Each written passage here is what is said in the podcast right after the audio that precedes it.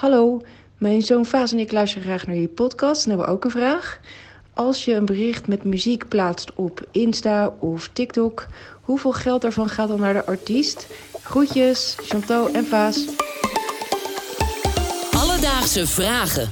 NPO Radio 1. Vaas en Chantal, dankjewel voor jullie vraag. Ilan, ah, ik weet dat jij TikTok hebt. Klopt. Gebruik jij zelf ook liedjes om onder je video's te plaatsen? Ik heb eh, drie TikTokjes geplaatst, waarvan er eentje een muziekje onder zit. Dus het antwoord is ja. Ben je een uh, vervente videoplaatser? Nee, nee, nee. Ik, heb, ik, heb, ik heb er drie gepost, maar ik ben meer een leech. Ah. Weet je wat dat is? Ja, dat is wel kijken, maar niet reageren of wat dan ook. Precies. Nou ja, dan uh, ben jij denk ik niet de expert om deze vraag te beantwoorden. Absoluut niet. Maar iemand die het wel is, is Diederik van Zessen. Hij is jarenlang werkzaam geweest in de muziekindustrie. Zo heeft hij onder meer gewerkt bij 3FM, MTV en was hij ook muziekstratege bij Ajax. Een man met verstand van zaken. Dus hij kan ons vertellen of een artiest geld verdient met zijn muziek op de socials. Ja, er is zoiets als uh, Instagram Music bijvoorbeeld. Uh, dat kun je ook zien op het moment dat je zelf een story post en je wil daar muziek onder plaatsen. Nou, kan je zoeken in een database en dan zie je daar ook gewoon de officiële cover art. Dus je ziet gewoon, net als een Spotify eigenlijk, alle muziek zo'n beetje die er op de wereld is, die kun je kiezen en die kun je aanklikken en die kun je gebruiken. En op het moment dat je dat gebruikt, betekent dat dat de artiest, als er geld verdiend wordt op die video, omdat hij bijvoorbeeld viral gaat, daar iets van terugkrijgt. Oké, dus als artiest kun je wel geld verdienen aan een video, maar er moeten van tevoren wel duidelijke afspraken over gemaakt zijn. Je hebt bijvoorbeeld die Instagram database, ja, dan verdien je geld mee als je erin staat. Sta je niet in, dan krijg je geen geld. Oké, okay, dus je moet het goed regelen als artiest. Ja, maar goed, stel je nummer wordt toch gebruikt in een video die viral gaat, word je dan ook rijk van? Niet meteen, nee. Niet van de viral zelf, niet van het gebruik van al die kids die dat uh, liedje onder een video zetten. Wel van alles dat erna komt. Dus wel van het feit dat vanaf TikTok heel veel mensen naar een streaming service zoals Spotify gaan om je liedje te gaan streamen. En dat het bij heel veel mensen in hun hoofd gaat zitten. Daar zit uiteindelijk het succes. Of dat het bijvoorbeeld op de radio ook gedraaid gaat worden. Het is gewoon een, het, is het ideale begin van een hit. Gek toch eigenlijk, hè? Dat als je nu viraal gaat, miljoenen mensen naar jouw hit luisteren. Uh, dat je daar dan alsnog niet heel veel aan verdient. Nee, klopt. Ik luister nu die podcast van 3 voor 12, Weird Hit Wonders. Geweldige podcast trouwens. Maar de, daarin hoor je hoe in de jaren 80 of 90 iemand uh, een hit heeft.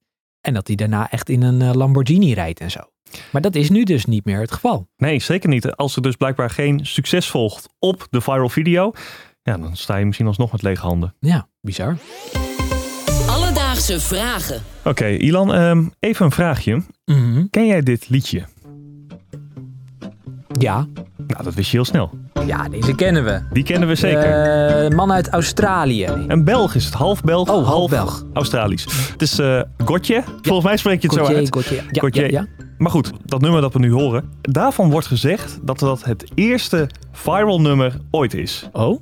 Op, op internet? Vooral op de manier waarop het populair is geworden. Dus eerst kwam het internet en toen pas de radio? Ja, dit nummer kwam namelijk uit in 2011. Een tijd waarin Twitter en YouTube nog volop in ontwikkeling waren. En ja, het is natuurlijk ook wel een bijzonder nummer. Het is niet je typische pophit. Het duurt best wel lang bijvoorbeeld voordat het refrein er is.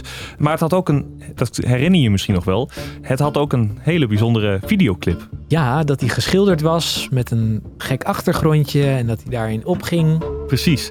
En mede door die videoclip en dat Twitter en YouTube nog in de kinderschoenen stonden, uh, ja, gingen mensen die videoclip heel veel delen en gingen ze mond-op-mond reclame maken. En eigenlijk doordat ja, mensen van onderop die video steeds meer met elkaar deelden, uh, werd het een succes. Grappig. Ja. Voel me opeens oud. Ja, het is ook al best lang geleden. Elf jaar. Ja. Het werd eigenlijk ook pas in 2012 echt een succes. In Amerika stond het nummer acht weken op nummer 1.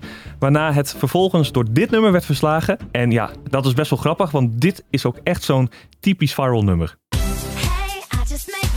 Oh god. Carly Rae Jepsen. Klopt. Is dit dan het tweede nummer dat viral is gegaan op internet? Ja, dat, zo zou je het wel kunnen zien, ja, inderdaad. Oh, grappig. Dus 2011 begon het eigenlijk, de viralheid van uh, de liedjes. Dus Vaas en Chantal, om antwoord te geven op jullie vraag: verdient een artiest aan zijn muziek op de social media? Ja en nee. Want je ontvangt geld als jouw muziek in de database staat en herkend wordt, maar je wordt er niet rijk van.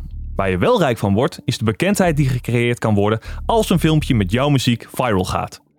En heb jij ook nog een vraag? Stuur ons dan een DM op Instagram, dat kan naar Alledaagse Vragen. Of stuur een mailtje naar alledaagsvragen.radio1.nl en dan zoeken we het voor je uit. En vergeet die vijf sterren niet, hè? Zodat ook wij viraal kunnen gaan.